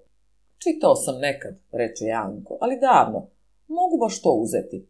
Da kako? Koliko se mladih ljudi ubilo zbog toga. Haj, haj, kao muve. Pročitaju Vertera, pa pištolj u čelo. Janko, koji se kao kroz maglu sećaše Verterove sudbine, pri ovim nevićim rečima čisto osjeti nešto hladno na čelu. To će tamo pristati za mene, mišeše on i gotovo s nestrpljenjem čekaše da dođu kući i da uzme knjigu. U toj se knjizi priča kako je neki sanjalo po imenu Werter došao u neki kraj gde je tiho, mirno, idilski. I tu poznao jednu devojku koja se zvala Lota, a bila zaručena sa nekim Albertom. Werter se odmah zaljubi u nju i već ne zna od ljubavi kud udara. Albert, koji je za vreme poznanstva Werterova s Lotom bio negde na putu, vrati se i venča s Lotom. Werter, da bi razagnao svoje jade, primi se nekakve službe i ode odatle, ali nabrzo se vrati i njegova se ljubav prema Loti još jače razbukti. Jednom, kad joj muž nije bio kod kuće, spopadne je ljubiti, ali već posle toga nije mu ostalo ništa drugo nego da se ubije. On ozbilje napiše, kao što se to obično radi, mnogo pisama, pogori svoje hartije, napuni pištolj, potegne i ubije se. Janko samo malo po večera pa se naklopi čitati. Oho, kako je to beskrena slaz deliti s nekim sudbinu. Već na prvim stranama Janko vide da je i on sam Werter i pri svakoj sceni u knjizi tražaše kakvu sličnu sitnicu iz svoga života. Werterova jadikovanja za samoga srca u jedahu i on mu u pameti stiskaše ruku koja je već davno na nebu slotom zajedno. Sve, sve mu se dopadaše i u svemu on viđaše sebe. On se slaže s Werterom da mu ne trebaju knjige, jer je srce i bez toga uzburkano. Samo mu treba tiha, mirna pesma koja se peva deci uz kolevku. I njemu je, kao i Werteru, najmiliji onaj pisac u kome on nalazi svoj svet i gde je sve nalik na život čitaočev. A u Werteru je sve tako nalik na Janka. Nalik ono bežanje od sveta i traženje Marije.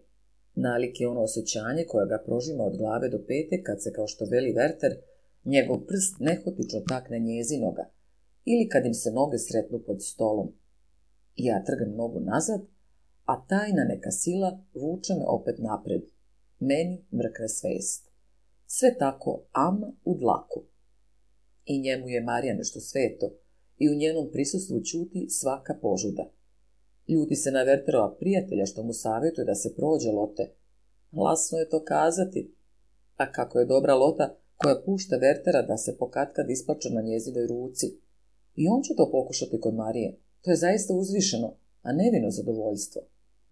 Verter čita Loti onaj prevod Osijana, a Janko, on će Mari dati Vertera da čita. Nek vidi moje jade. I što se više primicaše kraju knjige, tim se sve više zbratimljavaše s Verterom. I najzad, kad Verter uzima pištolje, i Janko pogleda svoj revolver na zidu, koji mu izgledaše kao nekakav signal, a iza njega kao da vidi bolno i bledo Verterovo lice, koje kao da mu značajno klima glavom. Tako, tako, bratec, mi jadni sirotani. Ljubimo, ali tuđe žene. Pošteni smo, pa zato treba da umremo. Hodi. Zdravo, zdravo mi budi, pobratime, poklicavaše Janko u sebi. Skoro ćemo se videti. I upravo Ne tražeći nikakva dalja razloga, on se sprijatelji sa smrću. I ona nerazumljivi trenutak u kome se prestaje živeti, tako priješe njegovoj sanjalačkoj prirodi, da ga gotovo s nestrpljenjem čekaše.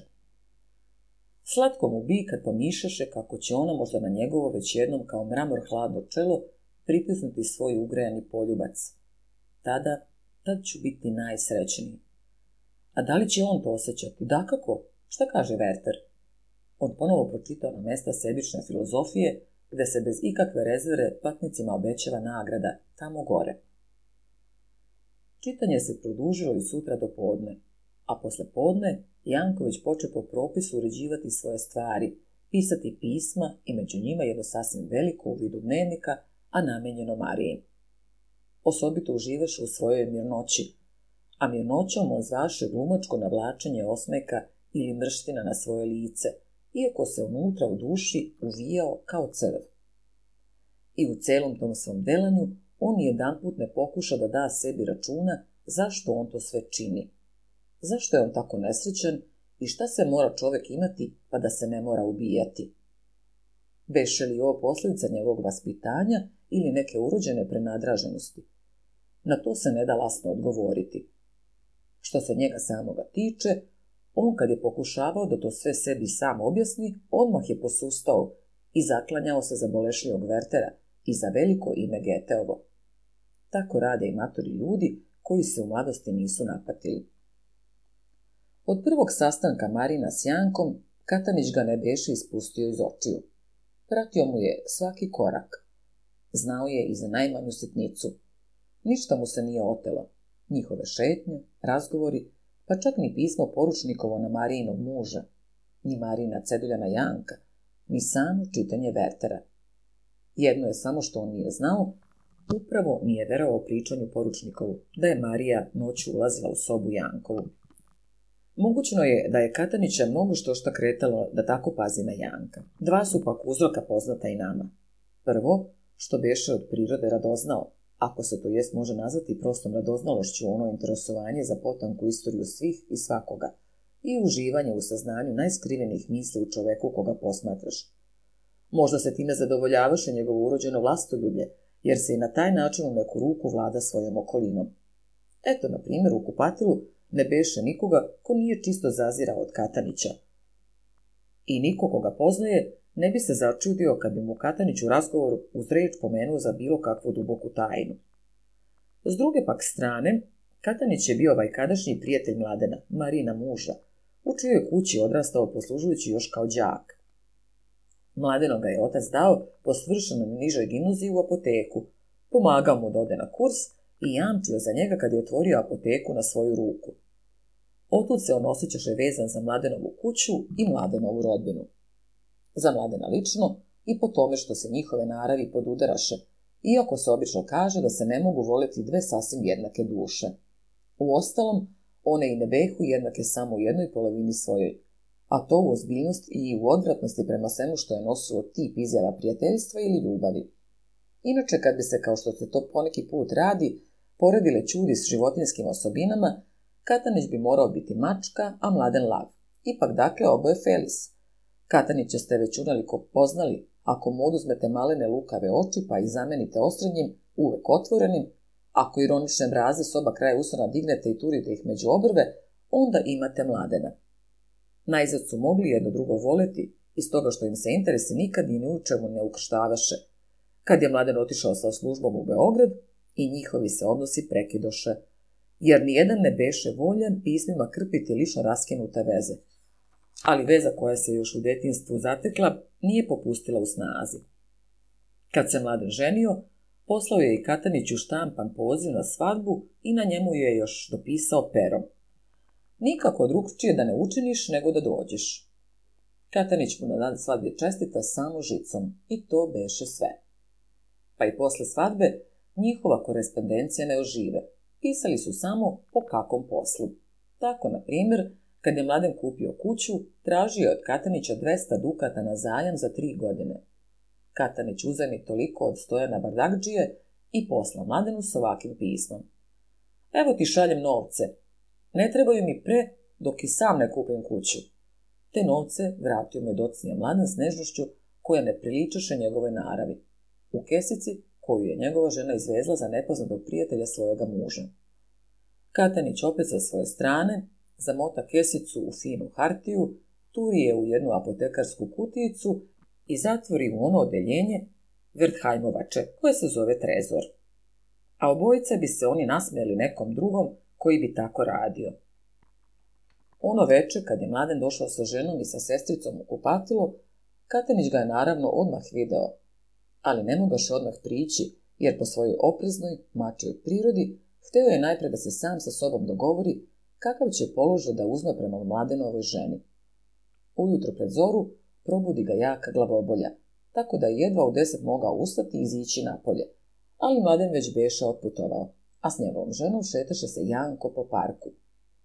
Katanić je umao biti evropljanin i znao je kako mu se valjalo javiti mladenovoj ženi, ali ga od toga zadrža ili njegova narav jača od Evrope ili neka lukava sludnja da će ovako povučen moći bolje paziti na ljubavnu igru koja, kao što mu se na prvi pogled učini, beše neizbežna, a kojoj bi zasad bilo nerazložno stati na put.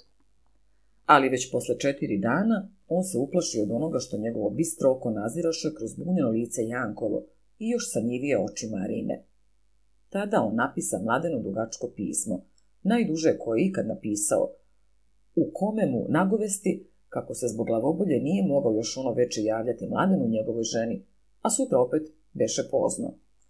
Tu dalje, kao uz reč, a sasvim zatrpano s druge strane sitnice, staješe i to, kako svaki dan viđenja ženu, zdravu i veselu, s gospodinom Jankom, koga ti izvesno poznaješ.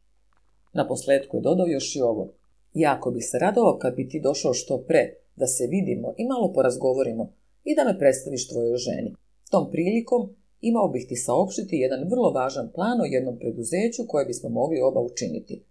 Pod ovim preduzećem On je zamišljao kupovinu vina ili ma kakvu laž koju već će spremiti dok mladen dođe, a glavno ubeše da mladen vidi Janka i da se zna naći. Mladen kad je pročitao ovo pismo, nije upravo ni obratio pažnje na toga Janka, misleći da će to biti kakav prijatelj njegove kuće, kome Katanić ne znađeše pravog imena.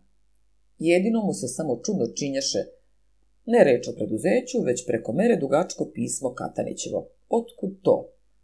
Ali već posle po sahata on ode u kancelariju, zatrpa se poslom i sasvim zaboravi na Katenićevo pismo s Jankom i preduzećem, pored koga nije ni opazio podvučene reči, što pre.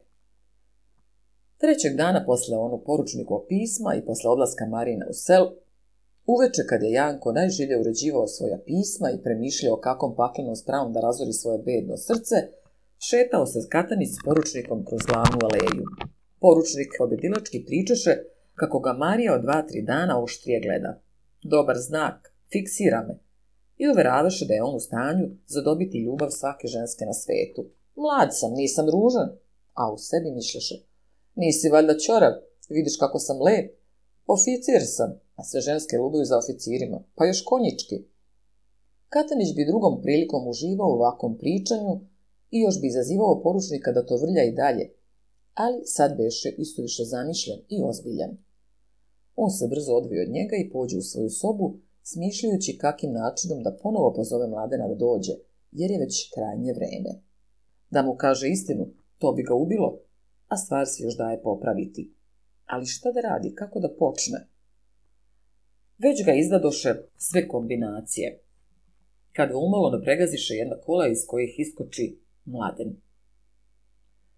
Da ga je ko dobro uočio onoga dana kad je doveo Mariju kupatilo, opazio bi da je sad još mršaviji i bleđi, a obrve kao da su mu gušće jače pale na oči. Katanić stade kao ukopan. Pljesnu se najpre po čelu, pa onda dlanom od dlan i onda se zagrli s mladenom. Mladen se plašljivo osvrnu. Moja žena, otišla je nekoj tvojoj rodbini ovde u selo. Mladen plati kočijašu. Uze Katanića ispod ruke i ništa ne govoreći pogleda ga prvom stazom koja od gostionice vođaše u park. Nikoga ne beše na pogled. Mladen izvadi poručnikovo pismo i špaga i čuteći pruži ga Kataniću. Katanić i ne zaviri dobro u pismo, a već mu ga vrati. Znam. Mladen ga uprepašćeno pogleda. Katanić se načini ravnodušan. Laže taj pas. Znam ja ko je to. Pokazat ću ga i tebi. Istina, nešto ima je. I u stvari, Katenica uda za jezik. To jest, nema ništa, nešto ima, izgleda, to jest, kao da ima, ali ništa, ništa rđevo. U taj par behu naslon česme. U blizini seđeše zamišljen Janko s otvorenom knjigom u ruci. To je on, reče Katanić i pokaza Janka mladenu. Baš u taj par Janko ostavi knjigu na klupu i priđe česmi da natoči čašu vode. U naokolo nikoga ne veše. Katanić se pažljivo osvrte. Dokopa knjigu s turije sebi pod kaput pa pođe dalje, ne osvrćući se i živo govoreći i gestikulišući. Kad se odmakuše, podaleko mladen pogleda Katriniću pod kaput gdje je knjiga stajala i začuđeno zapita. A što to? Na, na noće spa, razgledaj. Ko zna? Može ti trebati. Mladen, ne znajući zašto, gotovo pobožno uze knjigu, pa je turi sebi pod kaput. Čuteći, idoše dalje. Kad izađoše u šumu, Mlada seda na jedan panj, turi glavu među ruke i uzbuđeno, a jedva čudo da progovori. Dakle, sve svršeno, propalo. Katanić čisto zadrhta. Bog s tobom, šta ti je? Nemoj ništa kriti. Ne vjerujem ničem drugom, ali na tom licu vidim da je sve sušta istina. Katanić bi samog sebe čušio. Hteo bi nešto govoriti, tešiti ga, ali ne znađeše kako. Stvar odista ne beše za očajanje. On ovako mišlješe. Sve zavisi od mladena. Marija sad nije ničija. Ko od njih dvojice bude bolji, mladen ili Janko, onome će se i prikloniti. Žena je što i dete. Komu da bolju igračku, ono ga više voli. Da sam ja, mišljaše on njeze muž, ja bih već znao kako bih počeo. A Sultan se poče boji stiha i čisto bojažljivo spuštati. Vazduh, kao da se procedi kroz nešto, stane mirisati i ispredati klonulo lišće. Komarci pođeše u pljačku, držeći se pravca prema gostionici, odakle se začuše zvuci neuređene muzike. Mladen izdiže glavu. U njegovu pogledu beše nešto bankrotsko. A u Katanićevu opet toliko nežosti da izbilja ne bi mogao poznati ni onaj koji je s njima svaki dan. Ova dva, po svome ophođenju, inače kao gost suva čoveka, činjaku se ovaj par kao dva goluba. Jedan sa slomljenim krilom klonuo, jedan zdrav, s punom gušom, voljan da ga nahrani. Katanić ne beše više on. Na licu, u držanju, u govoru, u pogledu, više ni traga one lukave opreznosti, povučenosti i zatvorenosti, s kojom kao da se beše rodio. On dohvati mladena za ruku i uzbeđeno progovori. Mladene, tako ti Boga, budi čovek. Evo ti se kunam svim na svetu, da sam pazio na svaki korak, i da ništa nisam video što bi ti kaljalo obraza i doma. Trebalo jeste na ranije doći, ali to pismo o Vasiljeviću sušta je laž, tako mi Boga. Evo oba moja oka, kako tu ima truna istine. Uši da odsečem ako nije sve presna laž. Mladen čisto žive. Pogled mu se razbistri. Katanić okuražen nastavi. Stvari u ovome, vidiš, Tvoja žena, ona je u neku ruku sanjalica, pa naišla na čoveka sanjala. Verujem da je oni oboje isključivo po tome što su im prirode slične, simpatišu jedno drugo. Ali kakva je to nesreća? Vidiš, ona je slepac, čita Vertera, i Bog zna koliko ga on ceni samo zato što odgovara njegovoj prirodi koja traži neprestano da gori i bukti. Ali nesrećnik, nije on kriv što mu se dala prilika da baš u ovome pravcu hrani tu svoju prirodu. Nije on zato nepošten. Treba mu samo otvoriti oči, to jest i njoj i njemu, i turiti ga na drugo ognjište, samo da opet može biti u groznici, pa će se on sam proći tvoje žene, a i ona njega. Poniziti varterizam u njegovim očima, a dići što drugo, pa eto ti izlaska. Zainteresovati ga za politiku, prijateljstvo, otočbinu, što mu drago, već naći će se šta, razumeš li? Mladen je za vreme celog ovog razgovora blenuo samo u Katanića, i mada mu misli više na sasvim drugoj strani, mada ni reči ne razumede, ipak se osjećaše umiren, jer iz Katanićeve očiju i odsečnog glasa sijače odsudna pouzdanost i oduševljena mirnoća. Kad se vratiše, mrak beše u veliko pritisno okupatilo. I njegov park, kuće, česme, kupatila, sve to izgledaše crno i veliko. I mladenu se činješe da je to vraška pećina, sklonište zlih duhova, Podiže ga nekakav strah i jeza i on se obradova kad stigoše gostionici gde blešte sveće i vesela lica bezbrižno gostiju. Sedoše u jedan krajičak u parku pred mehanom i ćuteći večeraše. Pa posle odmah hodoše u Katanićevu sobu. Tu Katanić ponovo razveže svoje nazore, poglede, mišljenja i verovanja. U tom mladen izvadi ukradenu Getovu knjigu pa je pruži Kataniću. A s ovim šta ću? Kako šta ćeš, reče Katanić, izdignuši obrve. Razgledaj noćas. Mogućno da ćeš naći što što što će ti trebati. Nisi nikad čitao Vertera? Čitao sam. Pa, zar ti koji poznaješ svoju ženu, a čuo si što sam ti pričao za Janka, zar ti ne vidiš tu sličnost s Verterom? Ovaj smetenjak baristi je Verter i ja ne vjerujem te nije još toliko lud da bi se i ubiti mogao. Mladen pođe zamišljeno prevrtati knjigu, ali mu odmah padoše u oči silna mesta, gotovo na svakoj strani, ispodlačena pisaljkom. On poče pažljivo čitati. Da li je ta mesta podlačio sam Janko? Da li je gospodar knjige profesor Nedić? To ne znam, ali mladen naravno mišaše samo na Janka. I iz tih ispodvačenih mesta on sastavi sebi potpunu sliku Jankovu i već mu se činješe da ga poznaje od vajkada. Ne znajući zašto, on na jednoj hartici poče praviti koje kakve primetbice na Vertera i uvek bi ih najpre saopštio Kataniću Pazi, molim te. Pa bi onda pročitao s usiljenom deklamacijom kako benastu verteru lamentaciju na svet, na ljude, na nebo i Boga. Sve što vidimo i ne vidimo. Katanić sa zadovoljstvom slušaše mladenove zajedljive primjedbe u kojima on nazva jedan pod Geta čak i budalom. E, vidiš sada. Sad znaš toga Janka, a znaš svoju ženu. Vertera si pročitao, sad treba krojiti plan. Znam, reče mladen, a upravo i ne sanjaše kakav bi to morao biti plan. Kako već beše umoran, on opet pruži Katareću knjigu. A ovo? Vratit ćemo mu. Zar on misliš zna da je ovdje držao knjigu u ruci? Čuješ, reče mladen, nije lepo od nas. Šta nije lepo? Pa to, on pokaza očima na knjigu. Špijunisali smo čoveka u neku ruku. Hajde, molim te, reče Katajić. Lezi pa spavaj. Još ćeš i ti početi plakati kao Verter. Mladen, da ne bi bio Verter, nasmeja se i poslušno se izvali na krevet. Sutradan, oko 9 sahata izjutra, vrati se Marija s sujom iz sela. Mladen beše s Katenićem u njegovoj sobi. Kad ugleda ženu kroz prozor, on obamre. Nekoliko puta duboko povuče vazduha, pa smušeno pođe napolje. Čekaj, reče mu Katanić, stani da se dogovorimo. Znam ja već sve, ama stani, priberi se. Ne boj se ništa, već ću se pribrati. On opet pođe vratima. Katanić ga zadrža. Ono pismo poručnikovo, pokazat ćeš je, onako, naravno, uzred u smijehu ili dobro, dobro, mladen se otrže i iziđe. Katanić pođe uzbuđeno hodati gore dole po sobi. Sastanak Mladenov sa svojom ženom bio je mnogo lakši nego što bi čovjek mislio. Uzbuđenje je bilo s obe strane podjednako, a pritom tako jako da jedno drugo ne mogaš posmatrati hladnim okom koji jedino može suriti. Mladen je išao s tugom za izgubljenim rajem, Marija s nemirom savješću.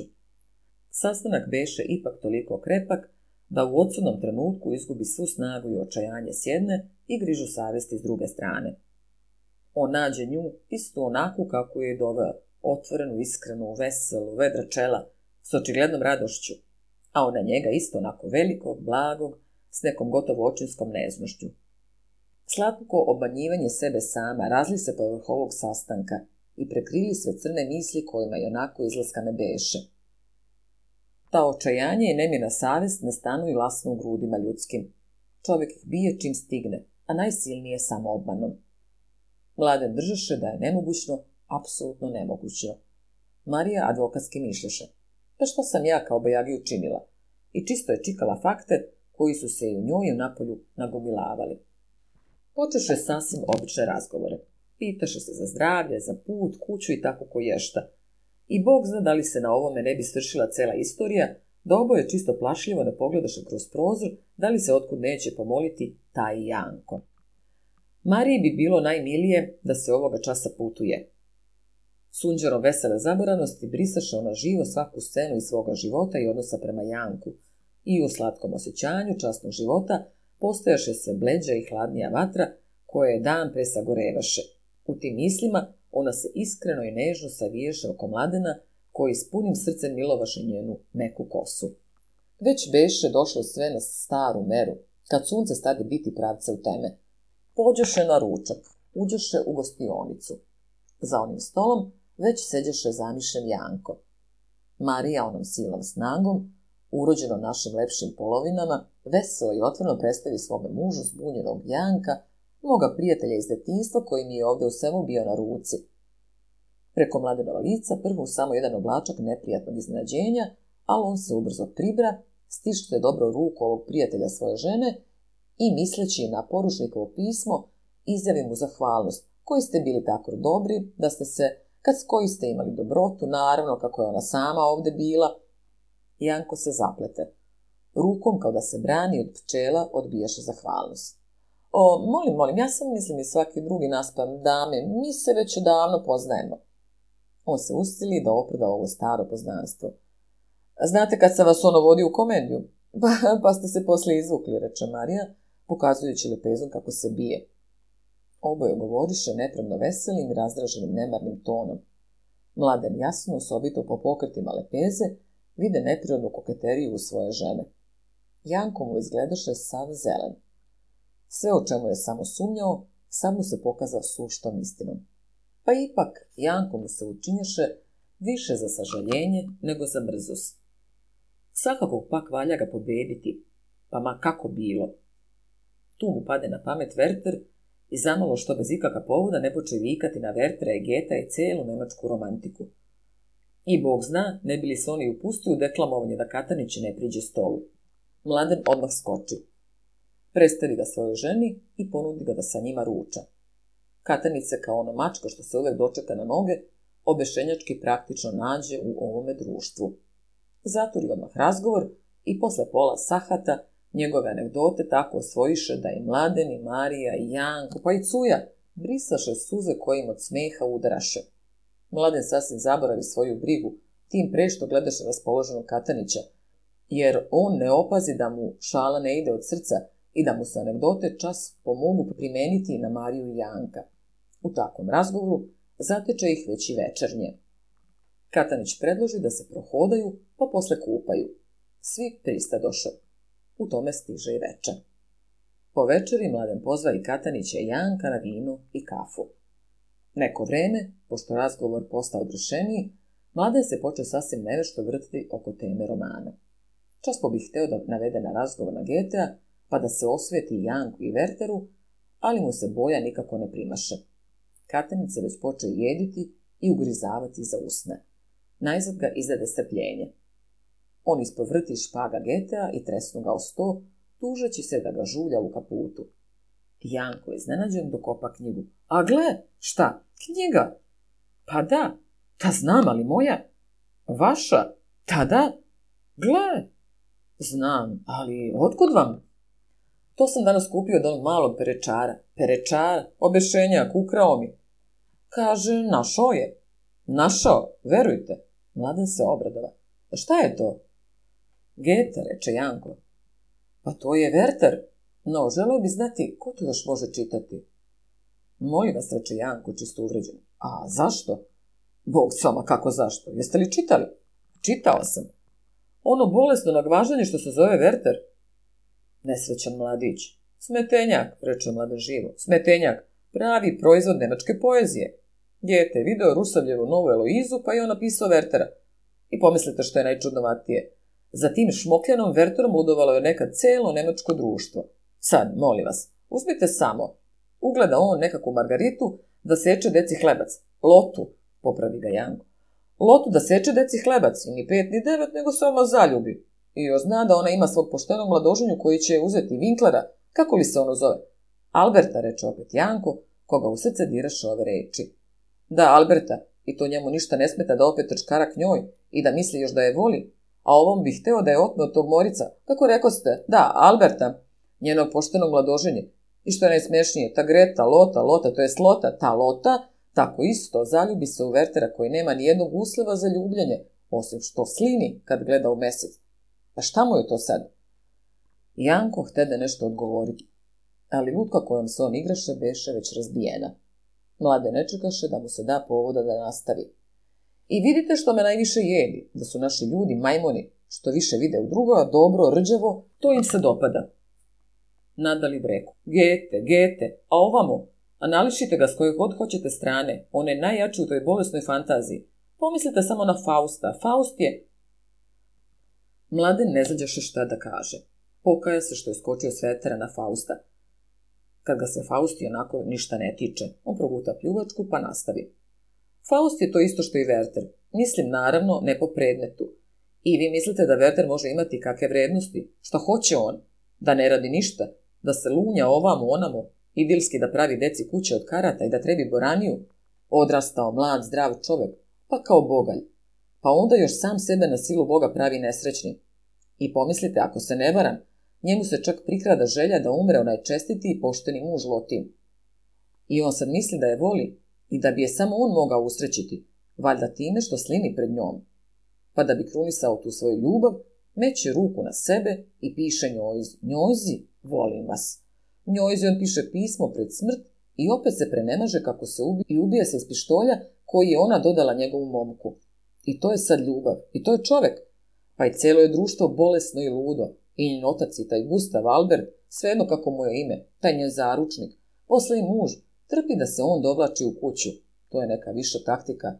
Bre, ne bi to kakav zdrav šumadinac, on bi na njega brzu ruku izlečio. Pa verujte, ni na pamet mu ne bi padalo da se prenemaže. Janko se očano usiljavaše da brani svoga nesuđenog pobratima, ali mu se jezik zaveza Sve što bi on hteo reći, kad bi ga jezik služio, bilo bi. Ali srcu se ne zapoveda. Time mišlješe da bi pobio Mladena, ali bez toga mlade nastavi. Ili valjda treba ga izviniti što ga je ljubav obrvala, da bog me, lopova, što je siroma, ubojicu, što mu je takva krv, izdejicu, što je plašljiv, otimača žena, što je zaljubljen. a onda nam nije niko kriv, ali ostajemo bez časti i ponosa, Mladen bivaše se življi i življi i počas dolivaše sebi vina u čašu. U svoju ženu ne smede da pogledati. Da bi izgladio svoj duševeni razgovor, koji svakako nemaše ovde mesta ni smisla, ošaleći se dodade. Ovo vino mene baš ugreja, pa opuči dalje. Da zar je to tema gde se izliva poetski talenat, gde je ona plemenita, čista, zdrava ljubav? Usteže pesnicu i udari o sto. Kamo mati, žena, deca, kuraž, otačbina, čast. Oči mu zasvetleše. Zar može bišta biti tako lepo što je beščasno? Zar može biti ljubavi bez žrtve? Zar je za sažaljenje ovakav čovek? Pi, pi, ja ga se gnušam. A Elota ga se morala gnušati ako nije bila, nije bila. On pljunu. Katanić oštro posmatraše mladena koji, da li zagrajan vinom, da li unutrašnjim žarom, činješe se čita mali atlet. Janko seđeše najpre potišten, a posle uzbuđen. Njegov jučerašnji idol Werter postao odjedan put obično june. On se čisto čuđaše kako se to odjedan put sve u njemu obrte, ali prevrat beše snažan. Zlato beše lažno, on ga baci. Marija s nekom pobožnišu gledaše svoga muža. Cuja je dremljivo čačkala nos. Daj da još vina, reče mladen smejući se. Šta nisam neki čovek od pera, da bar kažem našem svetu da se ne hrani s plačinama. Ovakve su stvari ubitače za mlada čoveka, ne raditi ništa, pravdati svoju lenost nekom višom filozofijom, kaljati kućni prag, razuravati mirnu i savjesnu ljubav jedne ženske, turati ugarak u kuću poštenih ljudi, a još svojih prijatelja, i to sve pravdati nekim višim plemenitim osjećanjem, koje čak treba da se zove ljubav. To je lopovluk, izdajstvo, pa onda napao lamentovati i tužiti se na svet koji neće da se preokrene s toga što je takva njegova razmažena volja. To može činiti samo smetenja kao što je Verter, a naći pristalica samo u svojih zemljaka koji su udovali za njim. Kataniću se učini da je dosta. Ti pre što se boješ da će nazvati Marija Janko opaziti krajnji cilj ovoga razgovora. Jedan mu se odeljak mladenove besede osobito dopadaše, a to je ono kako bi kakav šumadinac lečio takvog prijatelja svoje žene, kao što je Werter. Ovo istina nije romantično, Miša Šakatanić, ali je jače od celog razgovora. Da bi se završio, on nasluži svima vina pa diže čašu. E, ti si večeras razvio ceo govornički dar. Najzgodnije će biti da još po jednu popijemo. Haj bar za pokoj duše tome, kako ga ti nazva, šmokljanu. Dosetka ne beše nikakva, ali celo društvo, pa i mladen, rado pristadoše da se usijeno smeju i da iskape natočenu čašu. Katanić je zametnu razgovor o poeziji uopšte. Njegov ljubimac beše Njegoš. Vidite zdrave poezije. On poče mestimice deklamovati gorski vijenac. To je zdravo. zdrave je Marseljeza, zdrav je Don Quixota. To, on lupi šakom po verteru, to je samo sentimentalan pivarski trbu. Dede još ovu pa da idemo. Međutim, vino je učinilo svoje. Osim Cuje, koja je već spavala, i Marije, koja nešto daleko sanjala, na svima se opažaše lak, veso, vinski duh. Čekajte, sedite. Bog zna kad ćemo se opet videti, reče mladen. Milo mi je, veso sam što sam med svojim prijateljima. Eto, otkad se samo s tobom nisam video. Pa sad sam stekao još jednog prijatelja. Nadam se, gospodine Janko, da se nećemo zaboraviti. Ja sam dužnik. Treba da nam vratim ljubav za ljubav. Spasavajte se. Janko se uviješe. Molim vas, ja sam drage volje i šta više, naspesenije. A hvatam vas za reč, reče mladen spuštajući čašu na sto i brišući drkove. Hvatam vas za reč. Prijatelj kuće nije nikad izlišan. Ja vas molim samo da mi i dalje ostanete što ste dosad bili. Eto, ja sad već tražim, molim vas za uslugu. Sutra putujem. Katanić takođe. Na vama opet ostaje Marija. Molim vas, nemojte ostavljati. Prsi Marine počeše silno skakati. Janku se preli u srcu, kao u čaši koju mu je mladen poslužio. On malo ne pada u nesvest, malo što ne briznu plač, kad okopa pruženu mladenovu ruku. Ja sam vaš, vaš, sasvim vaš. Raspolažite sa mnom kako vam je volja. I ako bi vam trebalo što kažu, krvi ispod grla ja, Katanić beše već tužno. Na što više mišljaše on. Komedija je već odigrana. On stade pružati ruku svima redom i gotovo povuče Janka za sobom napolje. Kad njih dvojica iziđeše, cuja je već uveliko spavala. Mladen otvori prozor da izađe dim od duvana i pirnu sveću da se ne kupe komarci. Oboje ćuteše. Marija se nasloni na prozor i gledaše napolje. Mladen joj priđe. Dole u parku crne se drva, gore blistaše zvezde. Mladen joj prislani ruku na ram. Kuda da gledaš? Marija obrisa suzu. Tamo, vidiš onu zvezdu. Ja je dosta nisam nikad videla. To je nova zvezda. Mladen pozade Marsa koji bleštaše svom svojim crvenom svetlašću i treptaše, čisto namigujući na ovo dole što se zove bura u srcu. Da li on te večeri jače sjao nego obično? Da li se samo kroz lažne oči jače rasturaše njegove zrake? Tek u mladinu beše kao neka nova zvezda. On metne želi ruku na teme i poljubio u čelo. Nije sina nova zvezda, ona je uvek na nebu. Pogledaj je. Možda je to tvoja zvezda. A Mars, kao dvostrukom snagom da zasvetle tako silno, pa opet tako pomirljivo i tiho. Rano sutra došao je k njima Janko s jednim pismom u ruci kojim ga veli poziva sestra na samrti. Na rastanku rukovao se s Mladenom sedam, s Marijom četiri puta. S Mladenom i Katarinčem se čak i poljubio. Iz kola se više nije osvrtao. Od to doba prestao je baviti se ljubavnim predmetima i kad god bi ko počeo govoriti o tome, on bi dokazivao da su to same šapske bljuvatine. Ali ipak svake godine učini po kakvu budalaštinu. Jedan put se fotografisao s crnogorskom kapom. Čujem da se upisao i u farmazone. A pre nekoliko dana vozio sam se preko mišara. Kočijaš mi pričaše kako je preklane vozio tuda jednog gospodina koji, kad iziđeše na mesto gde je podignut krst poginulim srbljunacima, reče mu da stane. Gledam ja šta će. A on, hajd, hajd, pa upravo do krsta. Skida onda kapu, kleče, prekrsti se, pa poljubi najpre krst, pa posle zemlju. Posla opet sede na kola, pa tera i dalje. Đavo ga znao šta mu je. Kako je izgledao očiuti? o Miudlaku opisa Janka. Čitala Dragica Babić.